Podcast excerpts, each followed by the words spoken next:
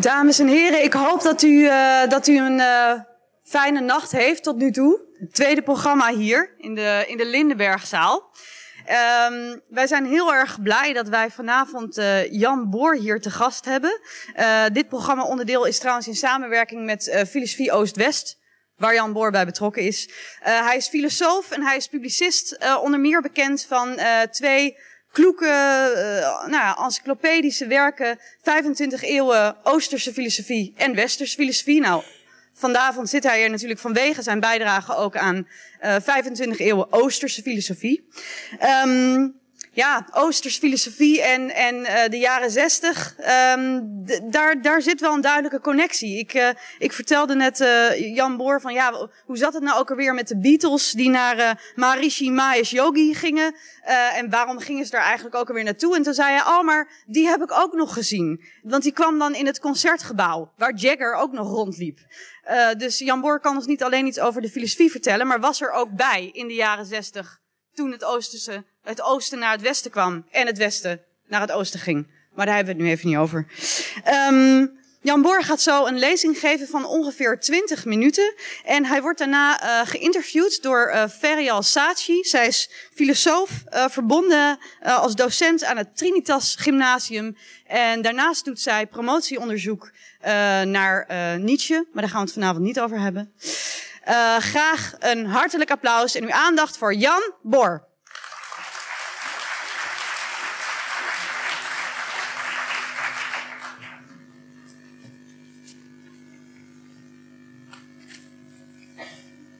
Als ik eraan gedacht had, had ik mijn jaren 60 kostuum aangetrokken. Ik heb er dus niet aan gedacht. Uh, 20 minuten. Uh, nou ja. Best wel weinig om dit grote onderwerp te behandelen. Uh, ik, wil een, ik, ik, heb een paar zeg maar, afdelingjes. Ik wil beginnen met, aangezien de algemene titel is mei 1968, de verbeelding aan de macht, is mijn vraag, kwam die verbeelding pas in mei 68 aan de macht? Oftewel, beginnen alle revoluties in Frankrijk? En aan de hand van een paar plaatjes wil ik laten zien dat dat volgens mij incorrect is. Want, uh, dit is denk ik 1965, dat weet ik niet zeker, maar Provo in Amsterdam en ook in andere steden uh, manifesteerde zich al in 1965. Dat uh, is dus wel drie jaar voor Soissant Dit was het witte fietsenplan, zoals u allemaal weet en herkent. Schimmelpenning heette die, dacht ik. En dan krijgen we een leuke foto als het lukt. Dit was 10 maart 1966. Uh, ik dacht dat ze toen nog prinses was. Beatrix trad in het huwelijk met Klaus. En uh, ze wist dat, om het Amsterdamse te zeggen, de pleuris zou uitbreken. Maar uh, daar trok ze zich niks van aan. En in retrospect zou ik zeggen, ze was eigenlijk de grootste provo.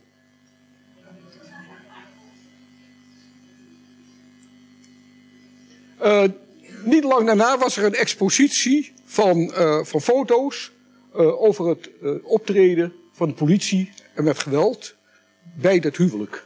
En u ziet wat er gebeurt. er wordt iemand neergeslagen. En er zijn ook allerlei andere foto's van Corjaring. Dus dat was een, een heftige tijd. Uh, overigens daarna, om een van de effecten van de jaren 60 te zeggen, de politie is daarna onmiddellijk zijn beleid gaan veranderen. Niet dat ik daar verstand van heb en het over wil hebben, maar het had toch wel zijn effect. Uh, het volgende plaatje is, even kijken. Ja, dit moet natuurlijk ook genoemd worden. Uh, ik ben hem gaan herlezen. Ik kan het u aanraden. Het is werk om je rot te lachen. Moelisch, bericht aan een rattenkoning. u ziet het tekstje. het behandelt de geschiedenis van Amsterdam in de periode 1965-66. Het is geschreven in augustus 66 in een drie weken durende woede- en lachaanval. Enzovoorts. Hè. Echt een leuk boek, omdat het nog, het, is het nog helemaal. Uh, dan zijn wij.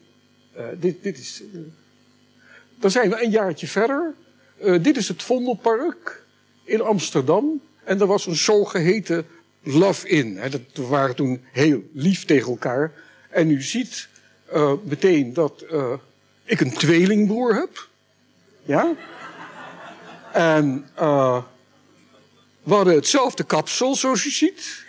Eén eier. Hij speelde toen al de sarangi, wat eigenlijk de Indiase viool is. Daar is hij ook heel ver gekomen. Hij ging ook hè, naar India, zoals in die tijd gebruikelijk was. En ik zat nogal vrij duf flensjes te bakken. Maar het is wel een leuke foto.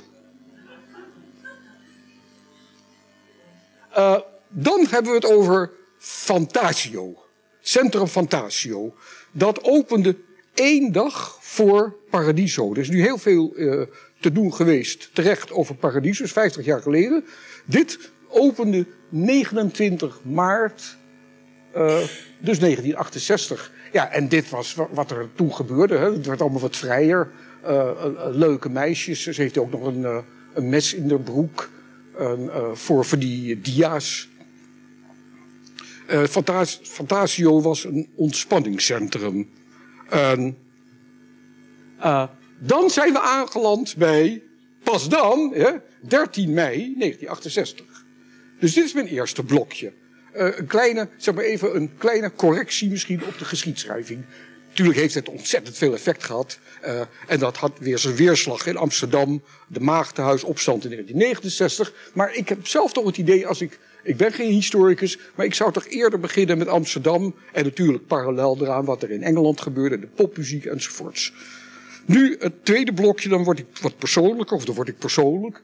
Uh, hoe raakte ik erbij betrokken? Bij wat toen wel de underground heette. He, ook een veelzeggend begrip. Uh, wij hadden het er even over, ik had met Lisa erover, de jaren zestig. Uh, zij vroeg toen, hoe moet je dat definiëren? Ik zelf zou zeggen, de jaren zestig definieerden zichzelf. Wij voelden ons toen verwant met die subcultuur en die tegencultuur. Hè? Want het, het, moest anders, vonden wij. Ik weet niet of dat gelukt is, maar... Dus dat is het tweede blokje. Dan ziet u wederom uh, mijn tweelingbroer Joep, uh, professor Joep inmiddels, en uh, hij speelt alweer de sarangi. En ik doe alleen maar een begeleidingsinstrument, de tampura. Ik heb het overigens meegemaakt dat ik... Hij vroeg me dan, wil je mij begeleiden? Ik had er eigenlijk helemaal geen zin in. Maar moest ik me een keer begeleiden. Uh, bij een concert. En toen kwamen de mensen naar mij toe. Wat hebt u fantastisch gespeeld. Terwijl hij het werk deed. Want ik hoefde alleen maar vier snaren aan te, aan te slaan om een, om, een, om, een, om een grondtoon te geven. Dit was dus december 1969. In die zin gaan we nog door met de geschiedenis. Fantasio wil geen ontspanningscentrum meer zijn, wil serieus zijn en wordt dus een meditatiecentrum. En dan begint het uh, filosofie Oost-West gedoe, zullen we maar zeggen. En voordat de stichting Filosofie Oost-West bestond. nog een paar beelden. Oh ja, dit huisje huurden wij in ergens in, een, in, in, de, Le Coin Perdu, de Cantal in Frankrijk. Waarom laat ik het zien? Ook omdat het natuurlijk een tijdsbeeld is. Ik heb het later nog voor heel weinig geld kunnen kopen. Daar gaat het niet om. Maar daar ontmoette ik in 1970 een staflid van de Cosmos. En die vroeg me heel serieus, wil jij die staffunctie met mij delen? Uh, en ik heb daar ja op gezegd. Dus zo ben ik er. Hè, ik zat er al een beetje in die scene, zoals we het toen heten. En zo ben ik er echt bij betrokken geraakt. En heb dat een jaar gedaan. Uh, dit is het gebouw van de Cosmos, dus mijn nieuwe werkgever zou je kunnen zeggen. Uh, aan de Prins Hendrikade, vlakbij het Centraal Station. En daar kwamen dan al die, uh, al die, al, die figuren, al die kleurrijke figuren. Maar ook dus om te mediteren. Dit kunt u niet lezen, maar geeft, is toch een beeld, dat is zo'n programma van het, het, het, het weekprogramma 1970-1971, precies het jaar dat ik gedaan heb. En als je het wel kunt lezen, dan zie je Hatha Yoga, je ziet astrologie, uh, audiovisuele experimenten, Xula People, niemand weet maar wat het is. Uh, een trip zonder LSD, die vind ik wel geestig. Hare Krishna was toen daar ook. En antroposofie enzovoorts. Dat is natuurlijk laat ik dit zeggen. Wij werden toch wel een beetje als idioten gezien in die tijd. Hier. Wie doet dat nou? Wie gaat er nou achter elkaar aanlopen? Ja? Dit is toch, dit is toch waanzin? Maar nu doet. Ik denk dat er best wel een paar honderdduizend mensen in Nederland mediteren. Dus ja, in die zin waren wij wel vooruit, of misschien in onze tijd. Uh, en is er een trend gezet. Dus dit zou alvast een, een antwoord zijn op de vraag: wat, wat is nou het effect van die tijd? In geval dat heel veel mensen mediteren. En dit was een, ook een moment in uh, december 1970. En toen was er een hele belangrijke Indiase guru. En die heette Swami Satchina, Satchi Ananda. Dat, is, dat betekent eigenlijk, Sat betekent, uh, wat is dat ook alweer? Nou, iemand weet het. Het, het shit is te hard en Ananda is vreugde. Bewustzijn, dat is het. Uh, religieuze naam. Dus we hadden hoog bezoek in de kosmos. En wat ik me vooral van die periode herinner, u ziet, uh, ik, omdat ik een beetje Engels sprak, uh, moest hem introduceren naast hem zitten. Nou, ik zat ook in een, in een wat leek op een yoga zit. En ik weet wel dat ik daarna niet meer op kon staan. Ik had vreselijke pijn in mijn poten.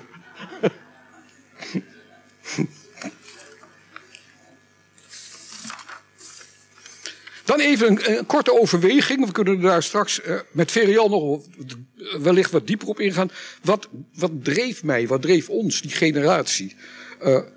Ik heb erover zitten nadenken. Het is een soort van introspectie. Hè? Het lijkt op meditatie. En ik denk eigenlijk dat wij uh, keken in de afgrond van onze beschaving. En daarmee bedoel ik dat op mijn veertiende herinner ik me nog, hè, ging ik naar een film over het Nuremberger proces. Notabene met mijn vader, met wie ik weinig sprak. En die kwam er heel erg gechoqueerd uit. Die beelden waren daarvoor nog uh, niet zo bekend. En je zag die, verschrikkelijke beelden van Auschwitz. En vervolgens, dan is die oorlog voorbij. Uh, en dan krijg je die Gerard Reven tijd, hè, die opbouwtijd. Dat was een, een, vreselijke tijd, zullen we maar zeggen. Geen lol te beleven. Maar toen begonnen de heren, wat het waren heren, begonnen de Koude Oorlog. begonnen met de Koude Oorlog. En vervolgens dan heb je de Vietnamoorlog. Dus wij, wij zagen in het gat, in de afgrond van onze beschaving, als ik het zo mag zeggen. En dat betekent ook, dat is een beeld, dat je ook in de afgrond van jezelf kijkt. Misschien kan het ook nog later duidelijk worden wat ik ermee bedoel. Geen prettige ervaring, maar wel een heel fundamentele, fundamentele ervaring. dat is een tussenoverweging. dan moet ik nog even zeggen, na de kosmos, en dat eindigde al gauw in een conflict. Daar hebben we nog een centrum opgezet. Dat kon zomaar in die tijd. en daar brak ook weer de hel los. en toen studeerde ik af in de filosofie. Dat in die tijd was het normaal dat je uiteraard tien jaar over je studie deed om dit soort leuke dingen daarnaast te doen. En toen moet ik eerlijk zeggen, toen sloeg de twijfel toe. Ik wist het echt niet meer. Ik dacht in de tijd van de kosmos, ook die arrogantie van de jeugd, dat je het aanvoelt, je weet waar het om gaat. En toen wist ik het helemaal niet meer. En toen heb ik maar de stoute schoenen aangetrokken en doet hij het? Ja. Toen ben ik via de Trans-Siberië Express vele dagen in de trein, inderdaad door Siberië, uh, ben ik naar Japan gegaan.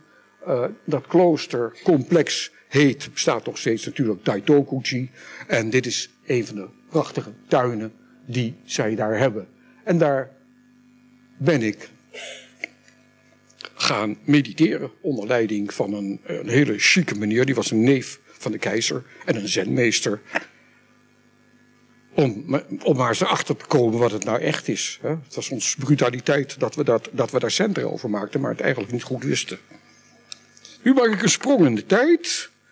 En uh, vraag me af, uh, wat heeft die halve eeuw, we zitten nu in een halve eeuw, dus zeg maar vanaf uh, mei 68 of december 69 dat de kosmos openging. Wat heeft het daar eigenlijk opgeleverd? Dat is ook een Nederlandse vraag. heeft het iets opgeleverd?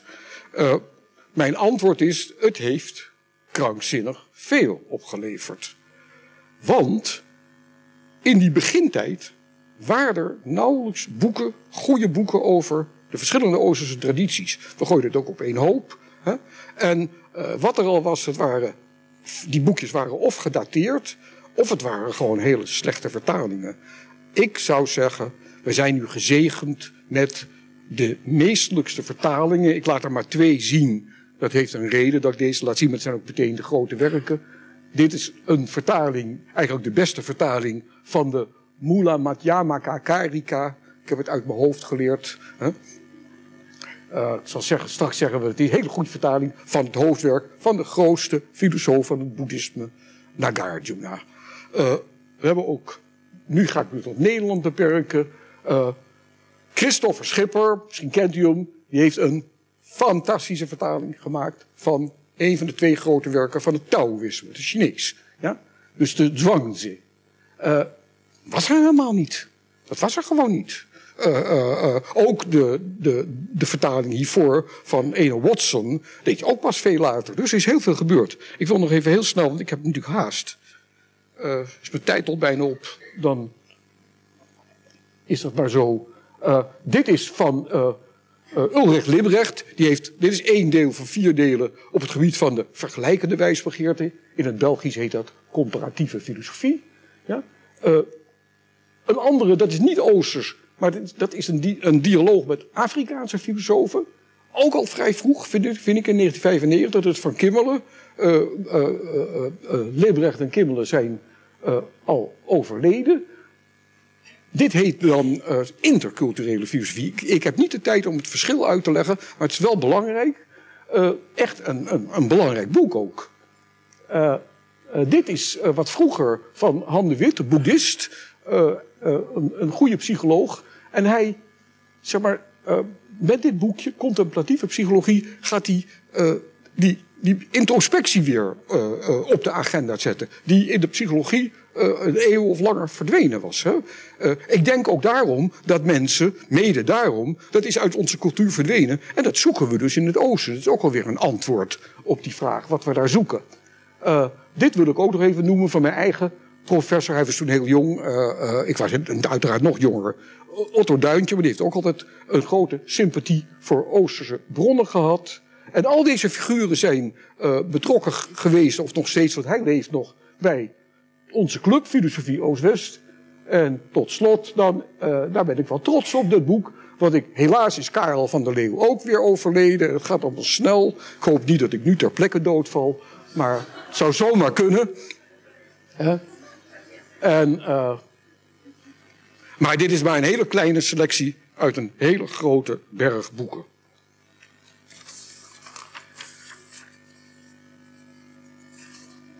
Nou moet ik even op de klok kijken. Het is bijna tijd. Dus dat moeten we straks maar even op een andere manier doen.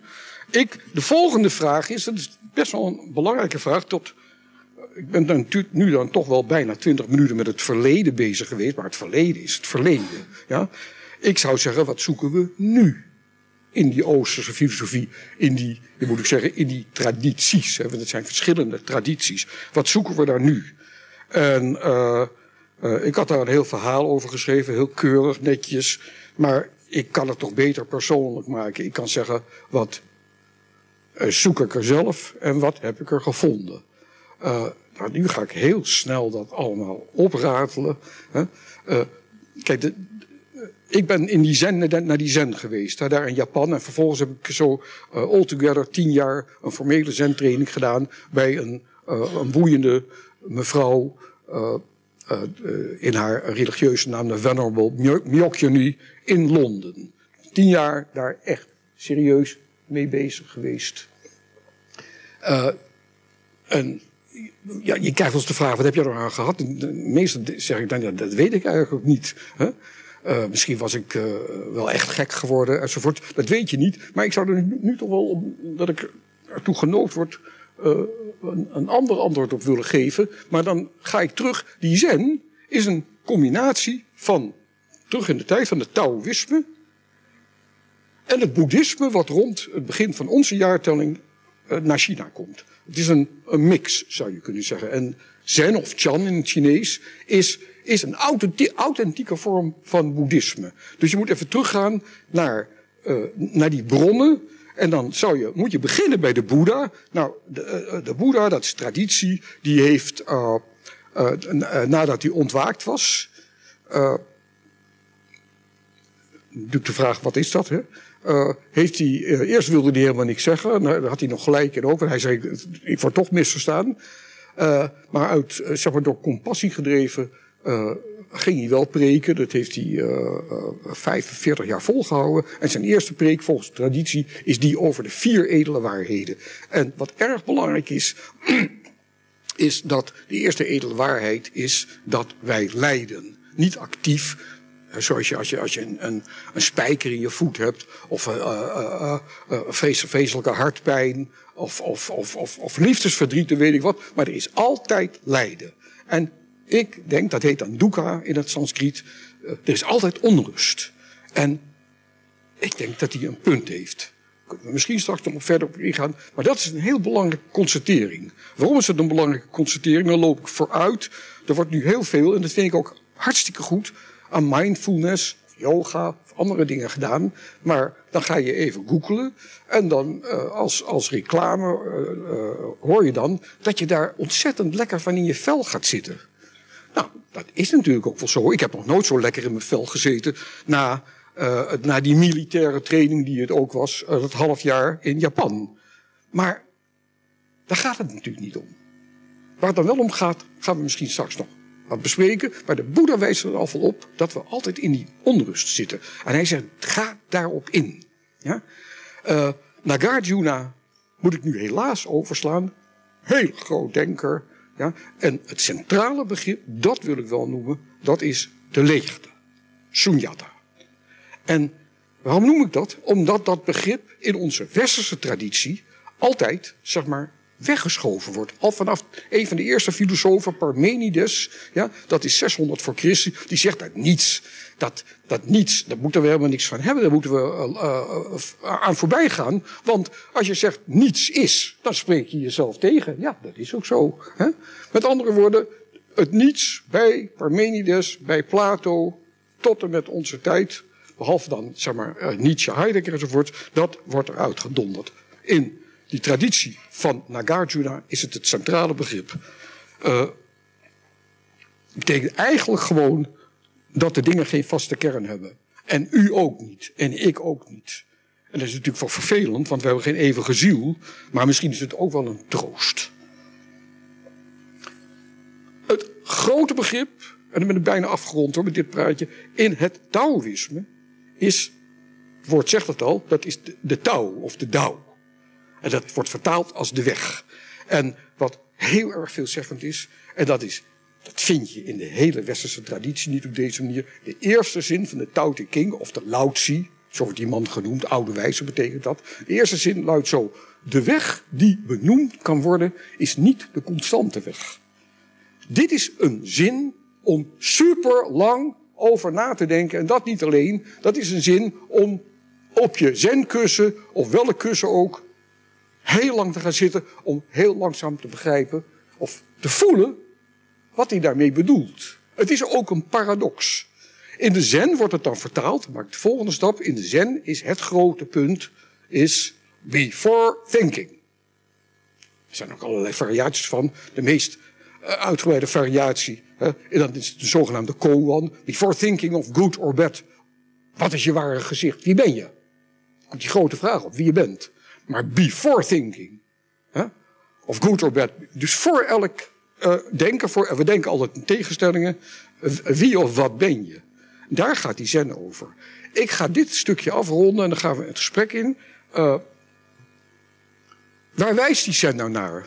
Die zen wijst eigenlijk gewoon naar één ding, maar het is wel een lange weg om daar een beetje mee bezig te zijn. Zen wijst naar dat wij hart, dat we een hart zijn. Dat we, dus before thinking, of good or bad, wie ben je? Je bent wat in de zen heet, in de Japanse versie, mushin. Of in het Chinees, Japans en op het Chinees, wu-chin. Geen geest, geen geest, no mind, zeggen ze in Engels. En dat no mind is, een, is niet een ontkenning, is niet een negatieve notie, positieve notie. Onder jouw denken huist ergens jouw hart. Dat zijn niet je, gevoelens, die zitten er als het ware, als ik dat beeld gebruik, daartussen. Maar wat je wezenlijk bent, zeggen de zen, jongens en meisjes. En ik geef ze daar helemaal gelijk in. Hè. Ik ga even terug. Wat je wezenlijk bent, is je hart. En daar gaat het om. Ik, ik moet ophouden, hè, want het is alweer vijf voor negen. Uh, dit is de kortste lezing die ik ooit gehouden heb.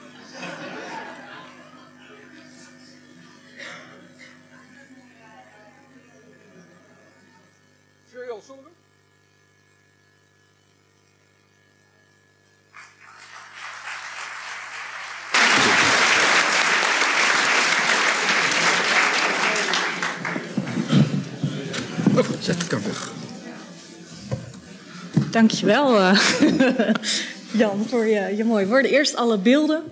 Uh, en aan het einde ging je ook echt. Uh, even, zijn we hier ook te verstaan? Ja, dan blijf ik gewoon zitten. Zijn we te verstaan zo? Ook achter, achterover ja? zitten? Ja? Zo. Um, nou, de, de, vraag die, die uh, net in eerste instantie uh, in me opkwam is... Uh, je gaf al aan van oké, okay, in, in, de jaren 60, 70 was er vooral heel veel weerstand tegen het bestaande denken. Maar waar, ging, waar was er dan precies weerstand tegen? Weerstand tegen het westerse denken ja. je? Nou ja, dat is wat veranderd. Om, er één ding te noemen. Er was weerstand tegen leiders. Dat -hmm. vind je al bij Plato hoor. -hmm. ja? Socrates die is uh, uh, uiteindelijk tot, zelf, tot, nee, die is tot de gifbeker veroordeeld. Omdat hij de autoriteit van de mensen onder, hij ondervroeg die mensen. En dat bleken allemaal lege huls te zijn. Nou wil ik niet zo ver gaan dat, dat Rutte een lege huls is. Maar ik zou hem toch nog wel... Dat kan je niet maken. Hè? Maar uh, uh, zou het echt weten? Zou hij nu echt weten wat hij doet? Uh, hoeven die over te gaan? En wij verzetten ons ook wat je toen ervoer als die coole ratio. Een ratio die tot oorlogen leidde. En, en, en ook, moet, uh, ik heb nog meegemaakt, net nog even een, een, jaartje, dat als de professor binnenkwam. Het was nog net niet zo in Utrecht, stond je dan op. Hè? Dan kwam professor Langeveld binnen. Uh, want ik heb ook ooit nog, omdat ik niet wist wat ik wilde, opvoedkunde gestudeerd. Maar er was een enorm respect voor een professor. Dus die autoriteit, dat gezag van die ratio. En daar verzetten we ons tegen, omdat de wereld eigenlijk de wereldbrand, er dreigde een wereldbrand. De wereld was er bijna geweest. Ja. Ja, en wat, waarom, wat, wat zochten jullie dan? Wat, nou ja, je, hebt, je hebt in die tijd geleefd, ook in die tijd ben je gaan interesseren in Oosterse filosofie. Waarom? Waar, wat, wat was die interesse in dan juist niet-Westerse of Oosterse filosofie specifiek? Dus, dus zocht je naar een alternatieve vormen van denken. Maar dat had van alles kunnen zijn. Dus waarom dit Oosterse? Ja, dat, dat, dat, kijk, Afrika hadden we nog nooit gehoord. Dat, dat zijn ook mondelinge tradities. Dat was, dat was überhaupt niet in vragen. Uh, later gingen we uit toch wel die, die Castaneda-boeken gingen ze naar Zuid-Amerika, weet ik wat. Maar dat, ja, dat oosten, dat had. Uh, goede vraag. En ik sta ook eigenlijk met een bek vol tanden, maar dat kan me niet schelen. Dat, is, dat is before thinking. Maar nou, er ging een soort van magie vanuit. Ja. ja? En je las, ik, ik las al vroeg van die boekjes. Uh, uh, uh, hebben jullie wel eens van Krishnamurti gehoord? Ja? Dus eigenlijk, de, de, de, de, ik zou nog zeggen, nog steeds de, grote, de grootste spirituele leraar hè, van die tijd. En dus niet een oplichter, want je hebt talloze oplichters gehad. En, Bhagwan. Bhagwan bijvoorbeeld. En uh, die Manijoki was gewoon een zakenman. Hè? Die had een praatje en die wilde rijk worden. Dat is nog gelukt ook. En noem maar op. Uh, dus je zocht. Kijk, ik, ik denk eigenlijk dat je toen niet wist. Misschien weet ik het nog niet. Hm. Want als ik zeg, het gaat om het hart. En als u mij vraagt, ja, definieer dat hart is, dan zeg ik, dat kan ik niet. Dat kan ik niet. Het is namelijk before thinking. Maar iedereen toch weet, voelt wat het hart is. Hooghartig, enzovoorts. Al die woorden, wij weten wat het hart is. En dus uh, je liet je door een intuïtie leiden. Je kon het niet precies zeggen. Of misschien had ik toen al een heel verhaal. Maar uh, uh, ik denk toch dat het een soort van intuïtie is. En, en nu kan ik er een heel klein beetje woorden aan geven. Weet je, je noemde ook afgrond, leegte, afgrond. filosofie van het hart. Ja. Um, bood het ook misschien een soort uh, een, een, een, een manier om, om toch over afgrond en eigenlijk al die, die, die moeilijke zaken die in die tijd speelden, om daar, om daar betekenis aan te kunnen geven of om daarmee om te kunnen gaan? Om, om daarmee om te kunnen gaan, om daar, uh, je zou kunnen zeggen, een beetje vertrouwd mee te raken. Want er gebeurt natuurlijk wel wat, hè, als je dan uh, heel lang zo mediteert. Ja? En in Japan was het een beetje fel, dan kon je, kreeg je een map voor je, op je schouders als je maar met je ogen bewoog. Uh, dat hoeft dus allemaal niet. Maar er ontstaat wel iets. Je komt in, laten we zeggen, andere lagen. Ik, ik, wil het niet psychologiseren, het onbewuste. Dat is ook weer een taal. Maar je komt in andere gevoelslagen. En uh, ja, daar was je dan mee bezig. En ging, ja. Ja.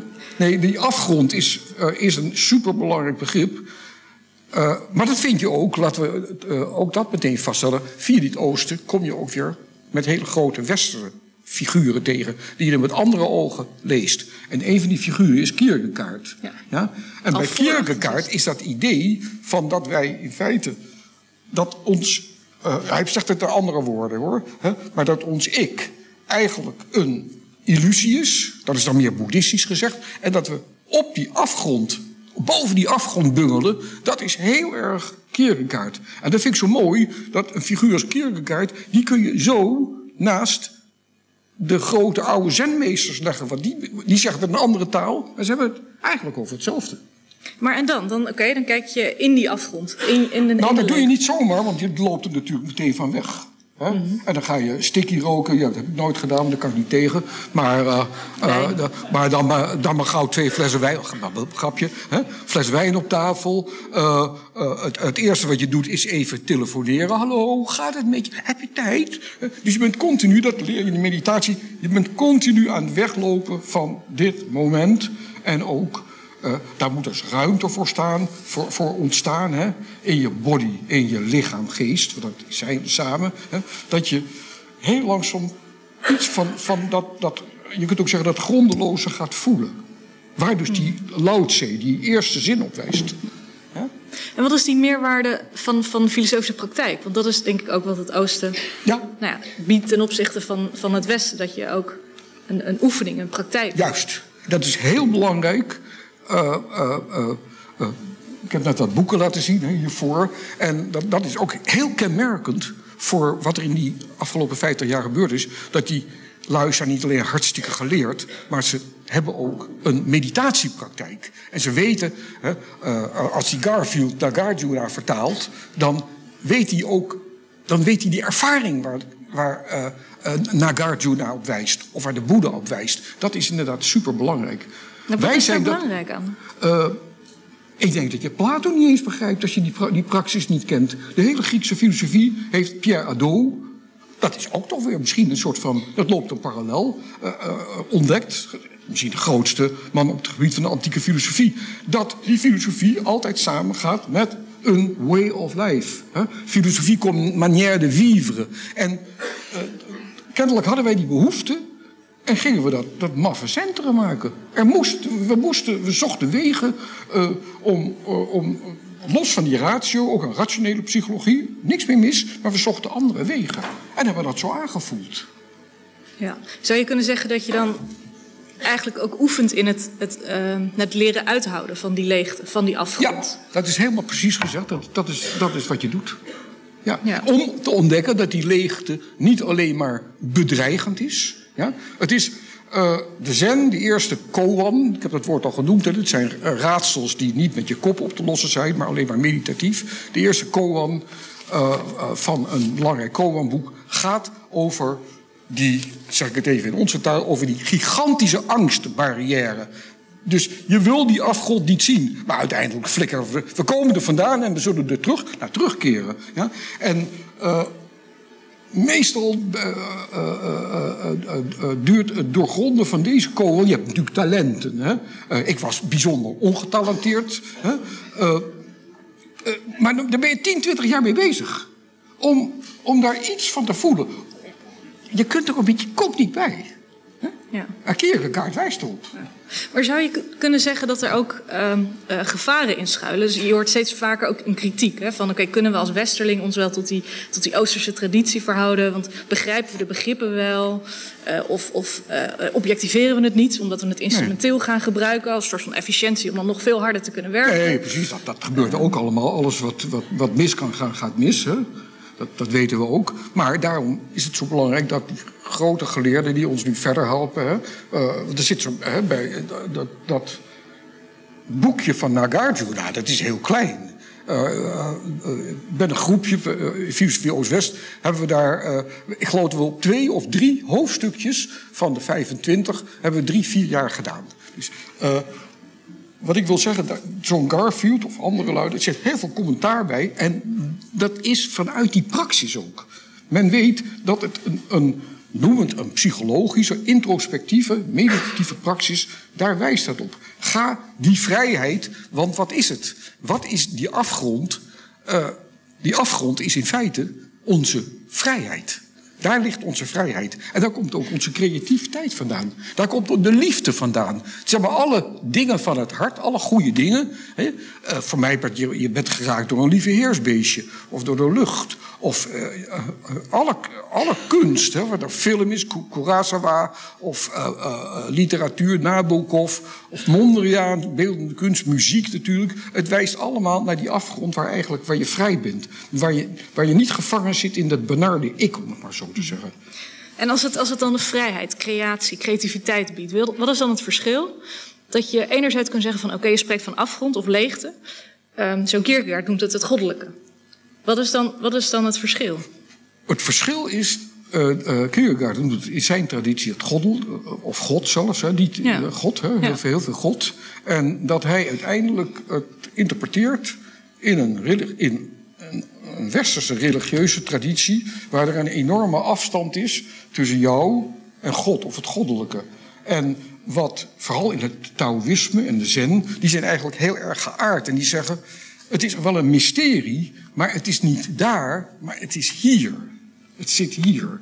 Ja? En de, alles, alles wat je ziet en hoort en voelt, is, is een mysterie. Er, ergens zegt Spinoza dat ook, je moet dat ook heel diep doorvoeld hebben. Hè? Dus God, oftewel de natuur, het is hier, het is dus immanent en niet transcendent. Daar, daar is voor mij Kierkegaard, die ik wel enorm bewonder hoor, en ook zijn taal heel erg bewonder, want hij heeft het toch maar mooi gezegd allemaal. Uh, maar, maar daar haak ik af als ik zo vrij mag zijn. Maar zou je dan kunnen zeggen dat Oosterse filosofie eigenlijk uh, een manier biedt om, om toch uh, je bezig te, ja, bezig te kunnen houden met spiritualiteit zonder transcendentie, zonder een transcendente God ja. ook daadwerkelijk? Ik denk het wel. Ik denk het wel. Ja, ik, ik wil niet. Dus er is ook uh, spiritualiteit, om dat woord maar te noemen. Uh, heb je een beter begrip? Ik heb geen beter. Ja, ik noem het de innerlijke weg. Maar een innerlijke weg die juist naar buiten leidt. Hè? Ja? er is dus ook een innerlijke weg spiritualiteit zonder die transcendente God. Die transcendente God is die beslist voor jou. Dat is het, het heet dan heteronomie, tegendeel van autonomie. Ja? Dus daar, die maakt je afhankelijk. En je ziet ook bij Kierkegaard, in, uh, bijvoorbeeld in die, die uh, jij kent dat wel denk ik, die tekst waarmee, uh, god, shit, dat ik, hoe heet het boek ook alweer? Het begrip angst. Nee, niet het begrip angst. Dat vrees, vrees en beven? Nee, ook niet. Nou, anyhow, dat, dat krijg je als je wat ouder bent. Uh, we hebben jarenlang op zo'n boek zitten studeren. En dan kun je de titel even niet onthouden. Maar dat begint met die hele moeilijke passage wat het zelf is. Het zelf is een verhouding die zich tot zichzelf verhoudt. En... Begrip angst, volgens mij. Nee, niet begrip angst. Nee. Ik kom, ik kom er zo wel op, ben dat te laat. Doet, doet, doet ook niet toe. Ja. Maar wat, wat, wat, wat zouden we nu, vandaag de dag, wat hebben we nu nog aan Oosterse filosofie? Heel veel. We leven, leven toch in, uh, uh, in, een, in een grote wereld, in één grote wereld. Uh, ik weet niet, we, we, moeten ook bepaalde dingen niet doen. We moeten niet achter goeroes gaan aanlopen. Ja? En we moeten ook niet denken dat. Uh... Maar we willen sterke leiders, lijkt het toch ook wel weer stiekem. Nou, ik niet. Wilt u sterke leiders? Dank, dank u wel, dat hebben we toch uh, in, tot 1945 gezien waar dat, waartoe dat leidt.